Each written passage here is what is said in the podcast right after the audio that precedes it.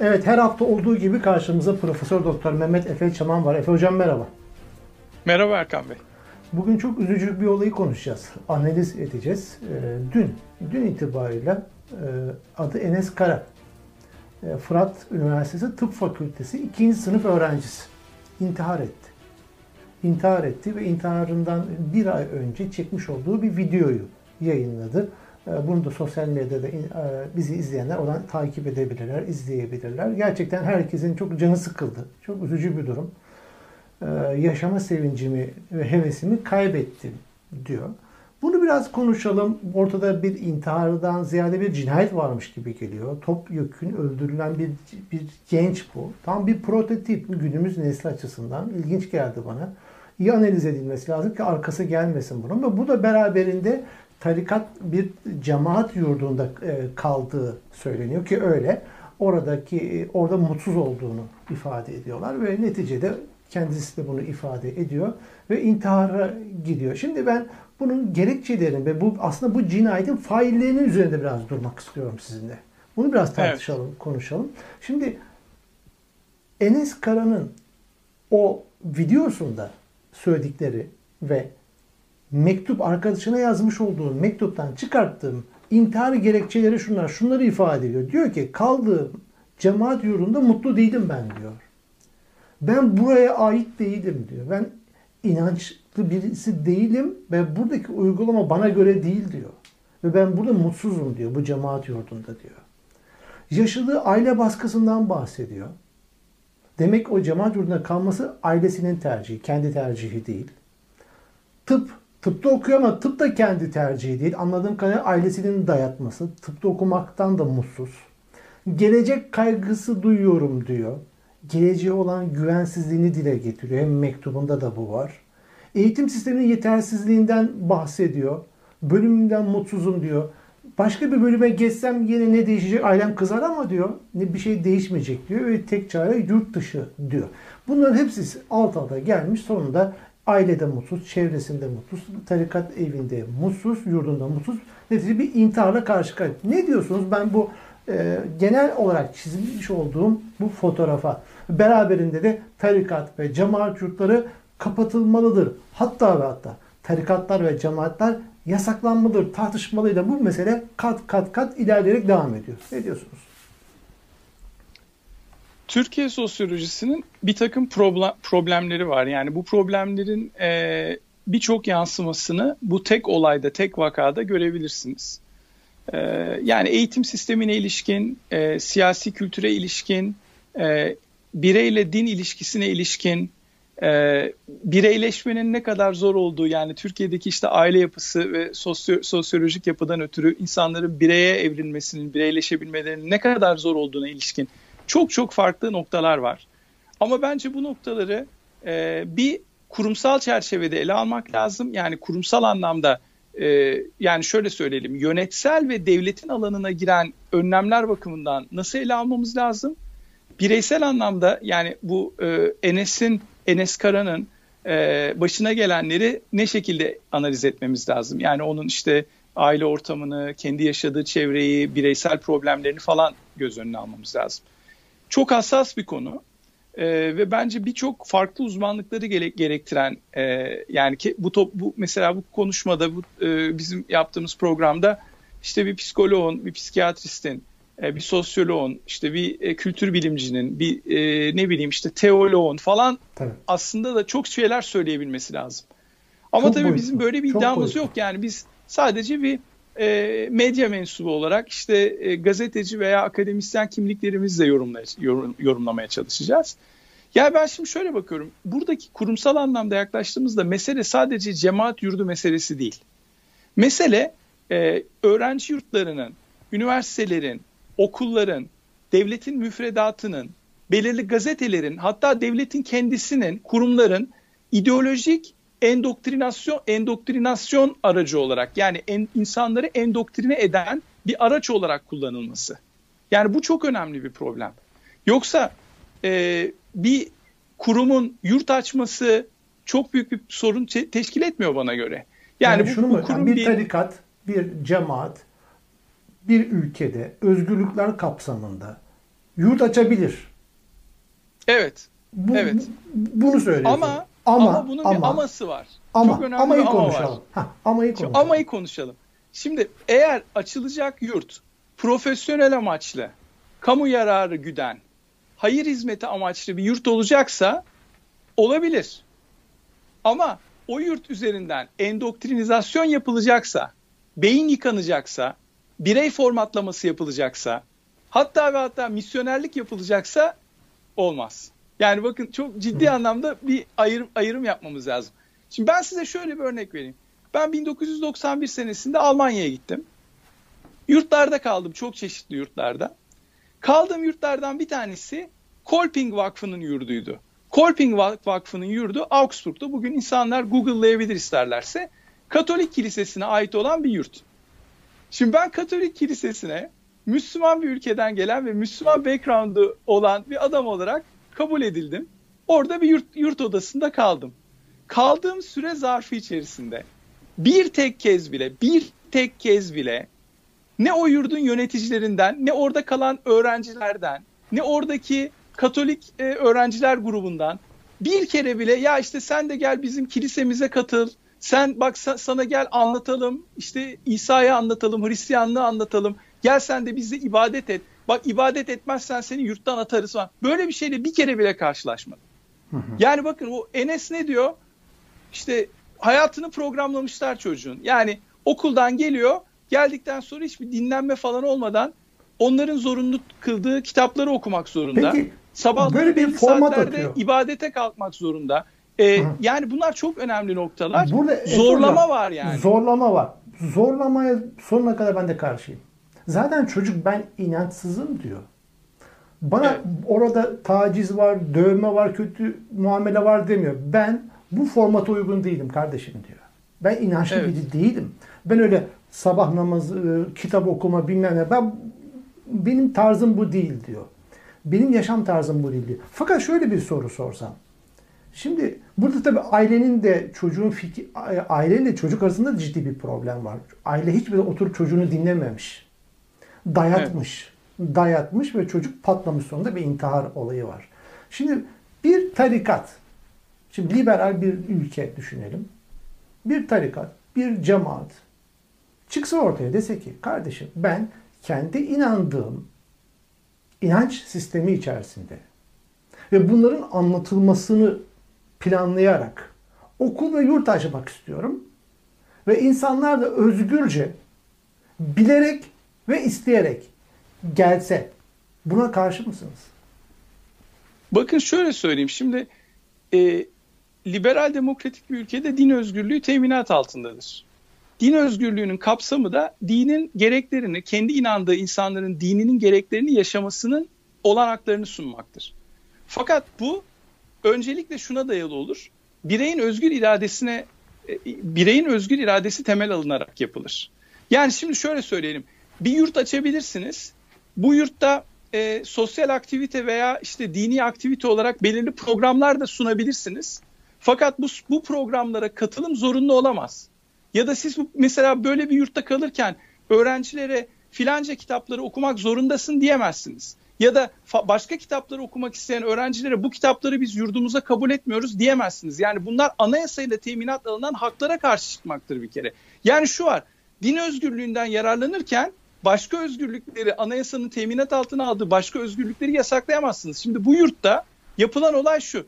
Sabah mesela çocuk kalkmak istemiyor ibadete. Adamlar ibadete kaldırıyor grup baskısıyla veya orada işte belki de tehdit ediyorlar.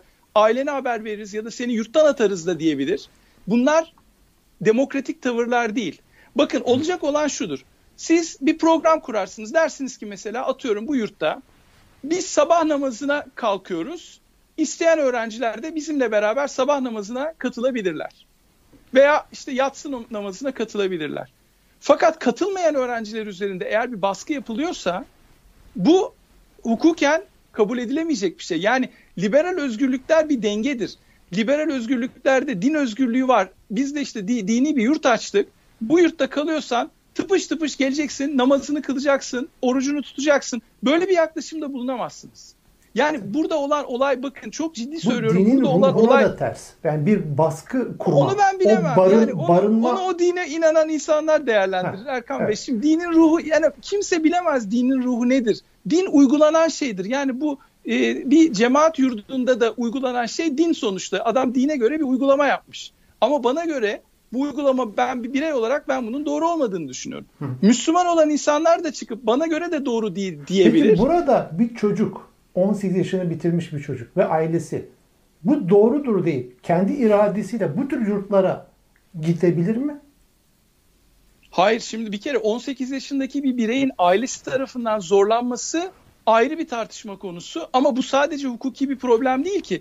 Yani bir çocuk 18 yani bir birey bir yetişkin olmuş artık 18 yaşına gelen bir gencin kendi kararlarını normal şartlarda verebilmesi lazım. Reşit oluyor. Fakat tabii hepimiz biliyoruz aile dinamikleri e, gençler ekonomik olarak ekonomik ailelerine bağımlı tabii. durumdalar. Tabii. Yani şimdi ailesi çıkıp kardeşim ben se- seni e, başka bir yurda gönderemiyorum. Bu yurt bizim cemaatimizin yurdu. Buraya gideceksin. Burada işte biz bir indirim aldık ya da bu, bu yurt işte seni bedava orada e, kalmana e, imkan verecek falan gibi bir takım e, fizik yani fiziksel olmayan ama psikolojik baskı unsurları oluşturabilirler çocuklar üzerinde. Tabii burada şu soruyu sormak lazım. Yani bir devlet düşünün. Devlet açtığı üniversite kontenjanı kadar yurt açamıyor yani. Bunu asıl problem etmek lazım. Şimdi bakın ben Almanya'dan örnek verdim ya size. Ben Almanya'da bir e, dini yurtta kaldım dedim size.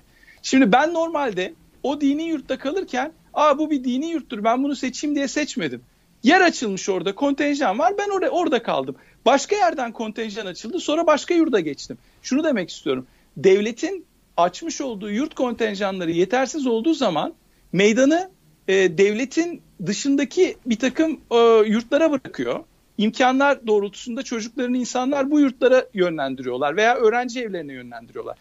Ben demek istemiyorum ki her öğrenci evi ya da her yurt benzer profilde bir yurttur. Yani mutlaka daha düzgün uygulamaların olduğu, çok daha insani koşulların olduğu yurtlar mutlaka vardır. Ama Türkiye genelinde baktığımız zaman çok sıklıkla görüyoruz ki bu tip örgütlenmeler içerisinde bir endoktrinizasyon endoktrinizasyon var. Yani dediğim gibi üniversiteler, okullar, müfredat, yurtlar endoktrinizasyon aracı olarak kullanılıyor. Endoktrine ederken illa bir ideolojiye göre endoktrine etmenize gerek yok. Bir dine de göre de endoktrine edebilirsiniz insanı. Burada meselemiz şu. Bir öğrenciyi intihara yönlendirecek kadar despotik uygulamaların olduğu e, bir aile yapısı A, B bir yurt ortamı. Yani bu ikisini bu, bu problemleri gö- mutlaka görmemiz lazım. Ve bu öğrencilerin bence yurtlarda kalmalarının yani cemaat ve tarikat yurtlarında kalmalarının ya da diğer sosyal grupların açtığı yani işte başka türlü organizasyonlar da var. Beyin yıkama amaçlı yurt açabilirsiniz yani. Böyle yurtlarda kalmalarının yanlış olduğunu düşünüyorum ben. Ve buna yani karşı devletin devletin çünkü bir takım sosyal faaliyet alanları vardır. Yani nasıl okul açar? Açtığı okul sayısı kadar da yurt açmak zorunda. Yani işte Eskişehir'de üniversite açıyorsa Eskişehir'de üniversite kontenjanına oranlı bir şekilde de öğrencilerin kalabileceği bir kredi yurtlar kurumu kontenjanı olması lazım. Türkiye'de şimdi çıkıp da bir yurt, yurt açıyor bir cemaat. Bir cemaat yurt açarsa bunu hayır hizmeti olarak ya da ne bileyim profesyonel amaçlı olarak yapabilir ya da kamu yararı amaçlı yapabilir. Orada ben kendime adam devşireceğim, ben kendi görüşüme yakın öğrenci devşireceğim diye yurt açıyorsa hiç açmasın bence. Yani bu bence çok anlamsız bir şey. Ya bakın insanların beyni yıkanmamalı. İnsanlara olanak tanıyabilirsiniz. Mesela bir şey söyleyeyim. A cemaati, B cemaati ya da A sosyal grubu, Roteryenler, işte Atatürkçü Düşünce Derneği bir yurt açabilir. Fakat bu yurdu açtıktan sonra ben bu yurtta kalan öğrencileri kendime potansiyel hedef kitle belirledim. Bunları kendi ideolojime veya kendi dünya görüşüme kazandıracağım mantalitesiyle gidiyorsa burada bir yanlışlık vardır. Dur demek lazım. Yani şu var. Ben sosyal aktivite olarak dini bir toplantı yapmak istiyorum ya da namaz kıldırmak istiyorum. İşte imkan mescit açıyorum. Bunlar normal şeyler olabilir bunlar olmalıdır. İmkan verilmelidir demokrasi varsa. Ama zorlamada bakın zorlamadan bahsediyoruz. Yani bu çocuğun Enes'in kaldığı yurtta çocukların hayır deme şansı yok Erkan Bey. Ya hayır deme şansı olmayan bir yerde demokratik bir ortamdan din özgürlüğünden bahsedilebilir mi? Din özgürlüğü birey olunan yerde vardır. Birey olunmayan insanların kafasına işte sen kalkacaksın şu saatte. Eğer kalkmazsan namazı bizle birlikte kılmazsan bunun bir yaptırımı var. Sana bir yaptırımı var bunun. Ya işte toplum dışlayacak seni, yurttan atarız, babana haber veririz. Bu tip şeyler, bu tip metotlar kullanmak hiçbir demokraside, hiçbir hukuk devletinde tahammül edilemeyecek şeylerdir. Çünkü anayasal haklarını çiğniyorsunuz çocuğun. Peki burada e, devletin e, temel görevlerinden birinin yurt açmak olduğunu siz söylüyorsunuz. Ben ise burada daha farklı duruyorum. Diyorum ki sivil toplumun yetişemediği yerlerde devlet yurt açmalıdır.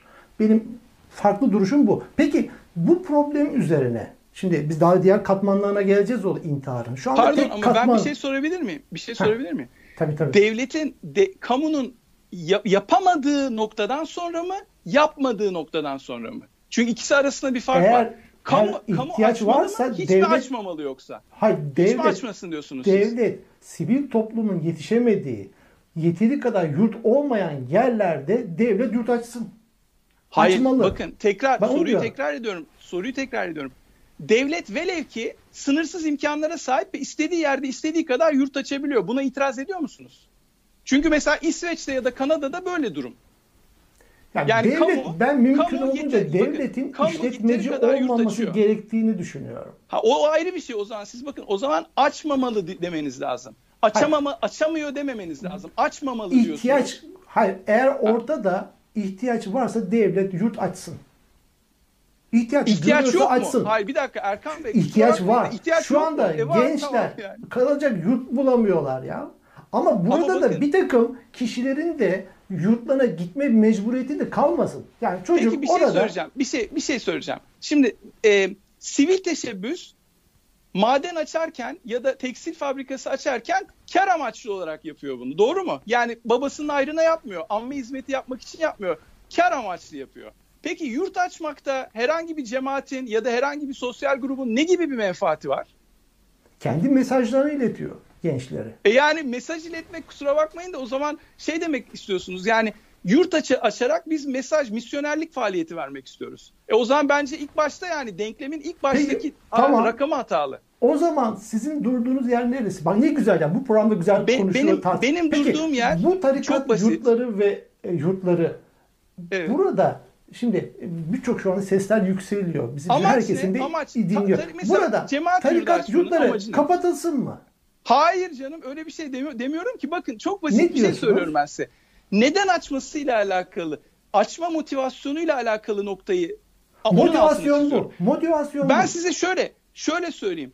Benim Augsburg'da kaldığım Katolik yurdunun yurt açma gayesi sadece insanlara hizmet etmek, insanlara yardım etmek, zor durumda olan öğrencilere oda vermekti. Beyin yıkamak ya da endoktrinizasyon değildi. Eğer Peki, böyle bir hedefle açıyorsa böyle ki böyle hedefle... hedefle bir dakika ama bir dakika şunu bitireyim bir cümleyi. Heh, tamam. Böyle bir hedefle yurt açılması kesinlikle normal bir olay. Türkiye'de böyle yurtlar da var, böyle cemaat yurtları da var. Bunların normal olduğunu söylüyorum. Fakat Türkiye'de... yurt açmanın gayesi serbest piyasa ekonomisindeki kar gütme amacı olamaz ya da insanların e, insanları etkileyip kendi taraflarına çekme, onların dünya görüşlerini değiştirme doktrini olamaz. Veya Peki. bu olsa bile latent olarak bunu böyle zoraki, metazori yollarla yapamaz. Tamam. Bunu ancak ne yapabilir dersin ki ya bak adamlar ne kadar güzel bir yurt açmışlar. Harika internet servisi var. Muhteşem insanlar, melek gibi yemek veriyorlar, bize hizmet ediyorlar. Ben de bu insanlara gönül bağı verdim.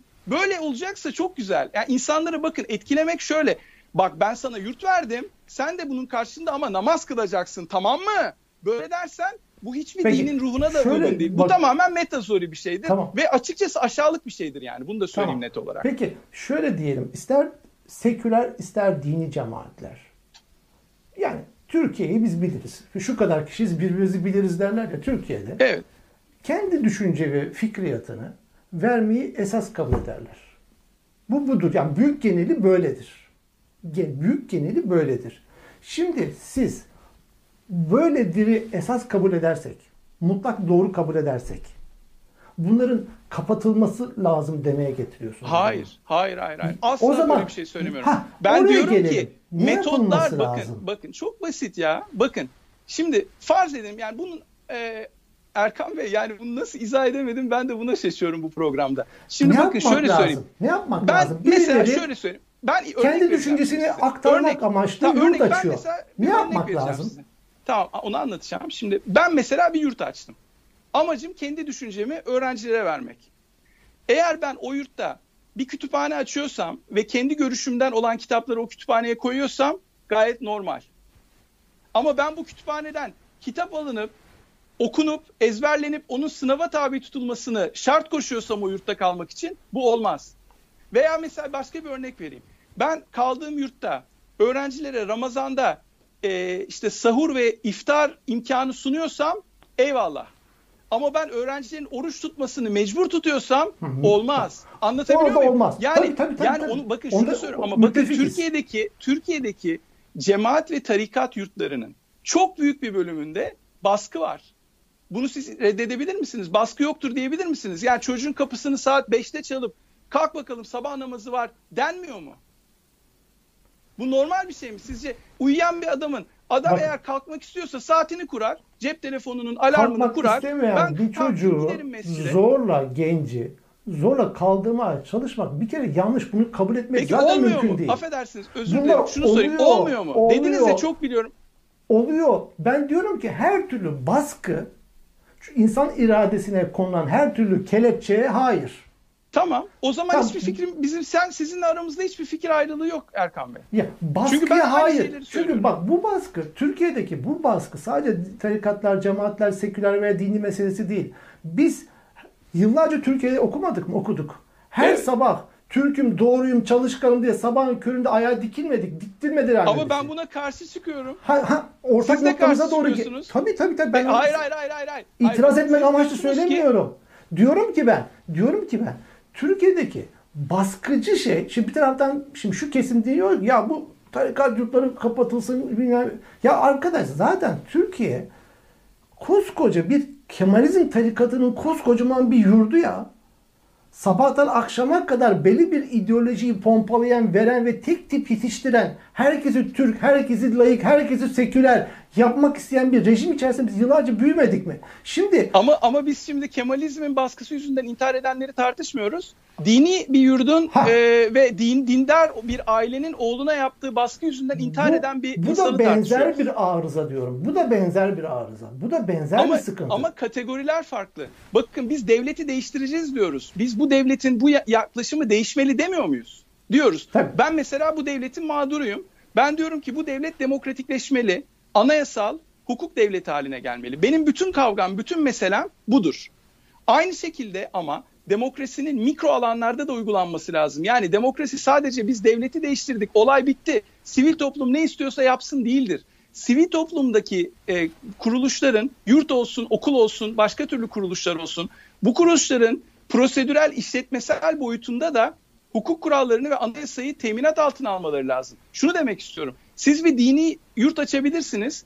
O dini yurtta opsiyonel olarak tercihli yani öğrencilerin tercihine bağlı olarak dini bir takım programlar da yapabilirsiniz. Mesela ibadet organize edebilirsiniz, okuma grupları oluşturabilirsiniz. Ama bunu zorunlu yapıyorsanız veya bunu o yurtta kalmanın ön koşulu olarak yapıyorsanız bunu o zaman Bu tüzüğünüze yazacaksınız. Bu Hayır tabii, var. tabii. Diyeceksiniz Yanlış. ki mesela bakın Katolik Kilisesi'nin e, papaz yetiştirme kurumları var. İşte bir, bir takım seminerler.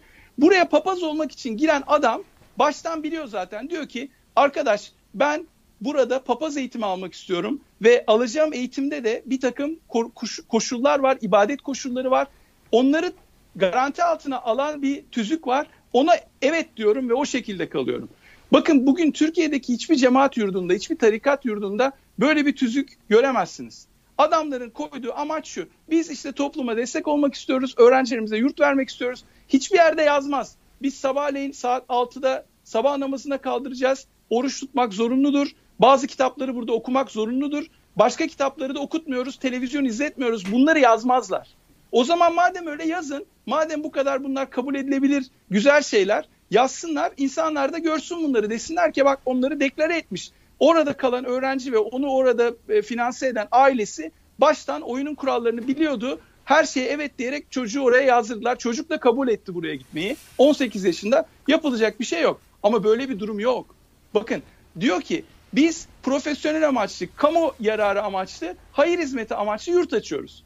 İyi de o zaman o yurtta ateistin de kalabilme imkanı olması lazım. Sosyalist adamın da kalabilme imkanı olabilmesi lazım. Ben sadece seçiyorum işte kendi cemaatimin yapısına uygun olan öğrenciler ve ailelerin referanslarıyla öğrenci alacağım. Bunların da eğitim faaliyeti olarak kendi dünya görüşüme yakın olabilmeleri için kitap okuma faaliyetleri, sosyal aktivite bunları zorunlu yapacağım. Bakın zorunlu yapmayı eleştiriyoruz. Ben zorunlu olmasını eleştiriyorum. Bunun opsiyonel olmasına karşı değilim. Yani siz bir aktivite olarak ben mesela benim dünya görüşüm ben e, Müslüman olmayan bir adamım. Satranç kulübü açabilirim kendi yurdumda. Tamam mı? Satranç kulübünde de motive etmeye çalışırım. Öğrenciler bol bol satranç oynasın. Ya da film kulübü açarım. Film izleyelim veya işte tiyatro kulübü açarım. Tiyatro yapalım. Ama ben bunları zorunlu yaparsam ben bir faşistim demektir. Ben zorunlu yapamam. Ben benim yurtta kalacaksan arkadaş her gün iki saat satranç oynamak zorundasın. Oynadın oynadın. Oynamadın defol git bu yurttan. Eğer ben bu şekilde bir tutum içine girersem o zaman benim hiçbir demokrat yönüm kalmaz. O yüzden insanların iğneyi başkalarına çuvaldızı kendilerine batırması lazım. Ve demeleri lazım ki tamam biz kendimize çeki düzen vereceğiz. Elbette ki her insan kendi ideolojisini, dinini başka insanlara güzel göstermek ve onlara e, hizmet etmek isteyebilir. Bu çok normal bir şey. Ama bunu zorunlu yaparsanız yanlış olur. Zaten bunu zorunlu olur. yaparsanız Zaten amaca da Lenin'i, Lenin'in devletinden, tabii. Mustafa Kemal'in devletinden veya işte Küba'nın devletinden, Çin'in devletinden farkınız kalmaz. Özgürlük şöyle bir şey. Özgürlük insanların özgür iradesine karar hakkı tanımaktır. Bu karar hakkını tanımadığınız noktada ben hep karşıda olacağım. Hiçbir zaman ondan yana olmam ben. Ben çünkü bireyin özgürlüğüne inanıyorum Erkan Bey. Ve hep evet. böyle olacağım. Ben yani işte çocuklar normali de budur. Eğitim gördüğü veya kaldığı yurtta herhangi bir şeyi kardeşim madem burada kalıyorsun namaz kılma mecbursun. Şu kitapları okumada mecbursun diyememeli. Bunda müttefikiz. Buna itirazım yok. Böyle bir mecburiyet tutulmamalı. İnsanlar anlatacaklarsa güzellikle anlatsın. Zaten eğer bir de şu var. Türkiye çözümsüz bir problemdir bu konu. Yani kolay bir konu değil. Çok zor bir konu. Şimdi bir başka şimdi katman katman şimdi cinayetin aslında cinayet dedik ya bu cinayetin faillerini arıyoruz. Bir, bu biraz önce ifade ettiğiniz belki yarım saatten beri konuştuğumuz zorlayıcı, dikte edici bir zihniyetin varlığı bir problem. Bu bir problem evet. ve faillerden biri de bu aile aile çocuğunu bir, bir noktada zorluyor anladığım kadarıyla. Şimdi çocuk evet. şuradan mutsuz. Diyor ki Enes Kara e, fakülteden de mutsuz ki tıbbı istememiş. Demek evet. ailesi zorlamış. Çocuğun evet. iradesi dikkate alınmamış ve bu aile çocukla bir problemi var. Yani diyalog problemi var. Şimdi faillerden biri de bu.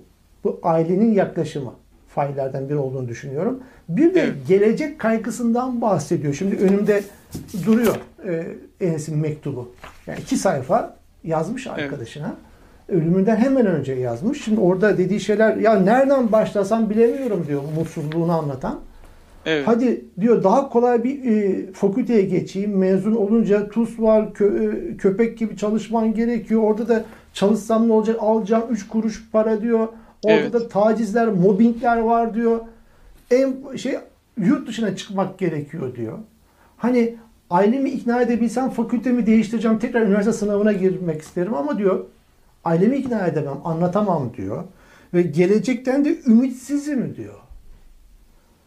Ve para düşkünü değilim ama diyor bu çabaların karşılığını Türkiye'de süper güç olduğunu, geçmişin daha çok daha kötü olduğunu söyleyip duran aptal insanlar oldukça asla o, e, alamayacaksın diyor istediğin kazancı çalışmanın karşılığını diyor ve resmen isyan hali var ve ümitsizlik hali var. Bu katmanlar hakkında ne diyorsunuz? Yani ben bu katmanların e, Enes'in intiharında bir rol oynamış olabileceğini düşünmekle beraber bunların temel mesele olmadığını düşünüyorum. Bence Enes'in köş- köşeye sıkıştırılmış psikolojisi onu intihara sevk etti. Burada da bir numaralı sorumlu ailesi ve o kalmış olduğu yurt. Yani e, eğer ailesi daha hoşgörülü, daha anlayışlı bir aile olsaydı o kaldığı yurttaki atmosfer de biraz önce benim anlatmaya çalıştığım bir atmosfer. Yani seçenek olarak e, sunmuş ancak zorlamamış olsaydı bir takım programlara Enes'i, Enes bugün hayatta olabilirdi, aramızda olabilirdi. Dolayısıyla ben bunun hani çok böyle komplike bir problem olduğu konusunda hemfikir değilim. Problem aslında çok basit bir problem. O da şu.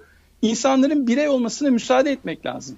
İnsanların bireysel seçimlerde bulunabilmelerine bu hakka e, müsaade etmek lazım.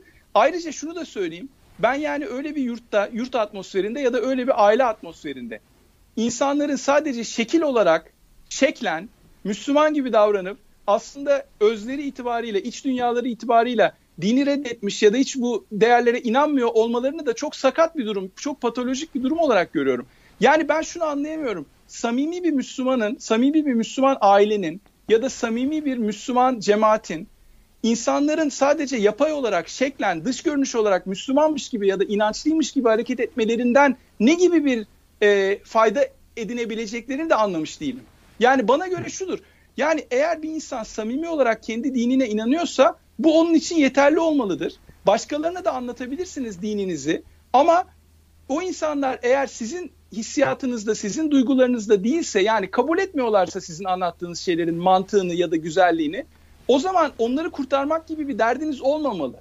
Yani dinin özünde insanların bireysel olarak kendilerini kurtarmaları yok mudur Erkan Bey? Yani İslam'ın mesajı veya diğer dinlerin mesajı bireylere gelmiş. Bireylere diyor ki bak ben sana bir mesaj getirdim. Sen bu mesaja eğer inanırsan sana cenneti vaat ediyorum, kurtuluşu vaat ediyorum. Eğer inanmazsan sen bizim gözümüzde inançsızsın cennete değil cehenneme gideceksin. Basit, basite indirgeyerek söylüyorum.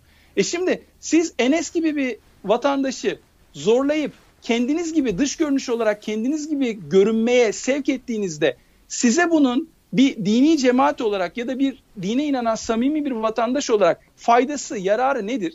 Sıfırdır. Hiçbir yararı, hiçbir faydası yok. Bana göre bilmek daha iyidir. Yani insanlar samimi olsun, bize katılanlar samimiyetle katılsın, bilerek katılsın. Katılmayanlar da samimiyetle katılmadıklarını belirtebilsinler, söyleyebilsinler. Yoksa biz nasıl anlayacağız ki insanların e, şekilsel anlamda mı dini dindar gözüktüğünü yoksa gerçekten samimiyetle mi dindar olduğunu? Yani hı hı. anlatabiliyor muyum? Burada Enes'i köşeye sıkıştırmışlar. Asıl fail bu sistem. Fail olarak bu sistemin aşılması lazım. Kanada gibi, Almanya gibi, İsveç gibi, Fransa gibi ülkelerde nasıl e, kamu üniversiteleri açtıkları kontenjan kadar öğrencilerine barınma imkanları da sunuyorlar. Aynı şekilde Türkiye'deki kamu üniversitelerinin de öğrencilerine barınma imkanı sağlamış olmaları lazım. Ve bu barınma imkanında da hiçbir ideolojik endoktrinizasyondan geçirilmemeleri lazım. Yani insanlar otel odasında kalır gibi kalacak, parasını verecek ve e, tabii ki e, oranın kuralları olacak. İşte şiddete başvurmayacaksın, vandalizme başvurmayacaksın falan bir takım kuralları vardır asgari kuralları. Hukuk kuralları da geçerli. Bu yeterli olmalı yani bence. Ve eğer bir cemaat olarak da bunu açacaksa, bir sivil inisiyatif olarak da bir yurt açacaksa demeli ki evet bizim amacımız kendi inandığımız dini ve o yolu insanlara güzel göstermek. Bunun için bir takım programlarımız, bir takım e, işte organizasyonlarımız oluyor. Fakat seminerlerimiz var. Zorunlu değil. Katılabilirsiniz. Katıl. Hepinize kalbimiz hepinize açık, olanaklarımız tabii, hepinize tabii. açık. Ama bir zorlama yok. Yani katılan katılır, katılmayan da yani, gene başımızın üstünde yeri vardır demeleri lazım. Tabii. Ama zorlayamazsınız. Zor. Bakın önemli Buradaki olan bu. Zorlama meselesi. Zorlama. Aynen öyle. Zihirli, Aynen. sihirli kelime zorlama. Tabii. Enes'i de öldüren, Enes'in de intiharına sebebiyet veren, onu köşeye sıkıştıran şey bu zorlama işte zaten bence. Tabii. Ailesinin zorlaması, gittiği yerde evet. kalmak zorunda kendini hissetmesi, kendini ifade edememesi, e, sürekli baskı altında çocuğun yaşaması beraberinde hepsini üst üste getiriyor. Tabi bu da beraberinde Türkiye'de yeni bir tartışmayı, işte deminden beri konuştuğumuz tem meseleleri tekrar gündeme getiriyor. Türkiye'de tarikat ve cemaat yurtları kapatılsın diyen CHP şu anda bangır bangır bağırıyor bu konuda. Ve hatta tarikat ve cemaatler kapatılmalı, yasaklanmalıdır deniyor. Bununla da alakalı görüşünüzü alalım. Arkasından da tamamen, bağlayalım. Tamamen faşizan, tamamen yanlış bir görüş. Bakın bütün olay zaten zorlamaktan kaynaklanıyor. İnsanları dini tercihlerinde zorlayamazsınız dini tercihlerinde, din özgürlüğünde örgütlenme özgürlüğünü de kapsar din özgürlüğü. Yani kendi kilisenizi, caminizi, havranızı da açabilme özgürlüğünü kapsar din özgürlüğü. İnsanların bir araya gelerek istedikleri dini görüşler çerçevesinde birlik olmalarını, e, cemaat oluşturmalarını engelleyemezsiniz. Bunu devlet zoruyla eğer engellemeye kalkarsanız Türkiye gibi patolojik bir ülke doğurursunuz. Zaten geçmişteki yaşamış olduğumuz 100 yıllık Türkiye Cumhuriyeti deneyiminde en büyük problem devletin ve e, anayasal düzenin raydan çıkmasının en büyük sebebi devletin çok tarafgir olması, objektivitesini koruyamaması. Türkiye hiçbir zaman seküler bir devlet olmadı. Seküler bir devlette her türlü dini örgütlenmeye ve din dışı örgütlenmeye, her türlü dine inanmaya veya inanmamaya karşı devlet nedir? Tarafsızdır. CHP'nin söylediği şey çok ilkel ve arkaik bir şey. Böyle bir yolla cemaatlerin, tarikatların örgütlenmesine engel olamazsınız. Böyle bir engel olmak da gerekli değil zaten. Önemli olan şudur. Zorlamaya engel olmak, birey olmaya imkan tanımak. İnsanlar birey olduktan sonra ister A cemaatine girer, ister B dinine geçer, isterse de ateist olur. Bu kimse ilgilendirmez, devleti hiç ilgilendirmez. Bakın, evet. devlete vergi veriyorsunuz Erkan Bey. Vergi veren insanlar arasında mütedeyyin Müslümanlar da var, ateistler tabii, tabii, de var, tabii, Yahudiler tabii. de var, Hristiyanlar da var. Ee, yani CHP'liler de var, MHP'liler de herkes vergi veriyor bu devlete. Verginizle o devletin herhangi bir görüşünün propagandasını yapmasına izin vermemelisiniz. Çünkü sizin verginiz kutsal bir şey. Sizin özgürlüğünüz kadar başka insanların Tabii. da özgürlüğü söz konusu. Efe Hocam bir taraftan da şu anda Twitter'da hashtag bakıyorum. Cemaat yurtları, tarikat yurtları kapatılsın, kapatılmalı diye Türkiye gündeminde önemli bir yer tutuyor. Bu noktaya geldi bu nokta. Ne diyorsunuz? Yani şunu görmek çok e, üzüntü verici. İnsanlar tarihten hiç mi ders almıyorlar Türkiye'de? Yani e, bir şeyi metazori kapatmak ya da bir şeyi metazori açmak değil. Önemli olan insanlara opsiyonları sunmak. Bence burada mesele cemaat yurtlarının olup olmaması değil. O cemaat yurtlarında, o tarikat yurtlarında o biraz önce bahsetmiş olduğumuz insanların özgür iradesine imkan tanıyan ortamların oluşturulabilmesi. Yani devletin görevinden bahsettik ya programımızın başında. Evet. Devletin önemli görevlerinden biri de denetim yapmaktır. Tabii ben bu denetimi yaparken faşist, kemalist bir zihniyetle denetim yap. Aa bak işte Kur'an okunuyormuş, kapat buyurdu. O anlamda bir denetimden bahsetmiyorum. Hukuk devleti olduğunu varsayarak, hukuk devletinde Varsayarak, nedir önemli olan? Din özgürlüğünden mi yararlanıyorsunuz? Evet gayet güzel. Kütüphane oluşturmuşsunuz veya işte sabah namazına, yatsı namazına kalkma grupları oluşturmuşsunuz. İşte ne bileyim oruçla alakalı, iftarla, Ramazanla alakalı gruplar oluşturmuşsunuz. Sahura kalkıyorsunuz, iftar yemeği yiyorsunuz beraber veya dua okuyorsunuz. Ha bunlar olabilir. Fakat öğrencilere soracaklar, röportaj yani şey yapacaklar, araştırma. Diyecekler ki siz bunlara zorunlu olarak mı katılıyorsunuz? Hayır zorunlu olarak katılmıyoruz. Mesela işte Ali katılıyor ama ben Veli katılmıyorum. Neden? Çünkü bana göre değil. Ben böyle bir görüşü veya böyle bir programı çok da fazla sıcak bulmuyorum. Bu, Eğer böyle bir ortam varsa hiçbir problem yok. Zaten Önemli olan böyle bir özgürlük ortamı. farz ederek dediniz ya. Yani hukuk devleti olsa, insan haklarını temel alsa ve denetim görevini hakkıyla yapsa ki evet. yapmalı denetim görevini. Bu yurtlar hepsi zaten Milli Eğitim Bakanlığı'na bağlı hesapta. Evet, değil mi? Evet. Hesapta öyle. Ya burada kardeşim burada zorla çocuklara şunları şunları yaptırılıyor mu yaptırılmıyor mu? Evet. Bunun bir müeyyidesi olur. O zorlama meselesinin üzerinde bir evet. müeyyidesi olur. Bunlar bir bakılır ama burada karşımızdaki devletin devlet değil başka bir şey olduğu meselesiyle karşılaşıyoruz. Hangi demokratik devlet bunu yapacak? Hangi bunu siyasal İslamcı müfettişler mi yapacak? Ulusalcı Kemalist seküler müfettişler mi yapacak? Kim yapacak? Yani burada da vatanseverliğin ana vatanseverliğin anayasal demokratik değerleri benimsemek olduğunu öğrendiğimiz gün bunları tabii. da çözeceğiz. Şöyle Bunu, ki E, toplum sözleşmesidir anayasalar. Bizim anayasamızda bugünkü anayasa 1982 anayasası e, defalarca tadilattan geçti. Yani bugün anayasa geçerli değil, yürürlükte değil yani fiilen. Onu biliyoruz. Fakat açın anayasayı bakın din özgürlükleriyle ilgili veya bireysel özgürlüklerle ilgili olan kısımlarına anayasa bugün fevkalade bir platform oluşturmuş. Neyin yapılıp neyin yapılamayacağını belirlemiş. Dolayısıyla bu anayasa bugün varsa eğer en azından hukuken e, o anayasaya bağlılıktır vatanseverlik. Yani şunu evet. demek istiyorum. Ben vatansever olarak görüyorum kendimi. Neden? Çünkü ben Türkiye Cumhuriyeti 1982 Anayasası'nı baz alıyorum ve bunun gereklerini talep ediyorum. Ha, yurtlar konusunda denetleme yapan müfettişlerin Kemalist veya e, mütedeyyin veya İslamcı olmalarına ya da şucu bucu olmalarına gerek yok. O müfettişi bağlayan şey Türkiye Cumhuriyeti Anayasası ve kanunları olmalıdır. Tabii Ve dolayısıyla ona göre da bu bir tartışma mevzu değildir. olmalıdır. Yani ve ben şunu da samimiyetle Adam söyleyeyim. müfettiş dedi, O- yani onu iyi olduğunu tavsiye ettiniz. Yani adam Kemalist, ulusalcı olabilir.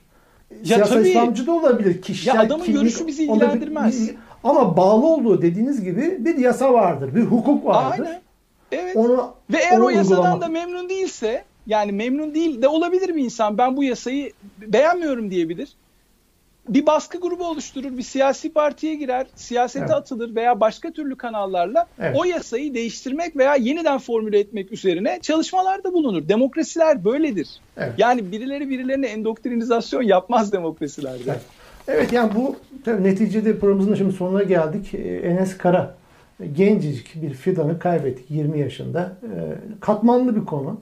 Ee, Evet yani kaldığı aile baskısı, kaldığı yerdeki kendi psikolojisine uymayan şartlar, zorlamalar, e, buraya ait değilim demesi, evde mutsuz, kaldığı yurtta mutsuz, okulunda mutsuz, geleceği göremiyor, orada mutsuz.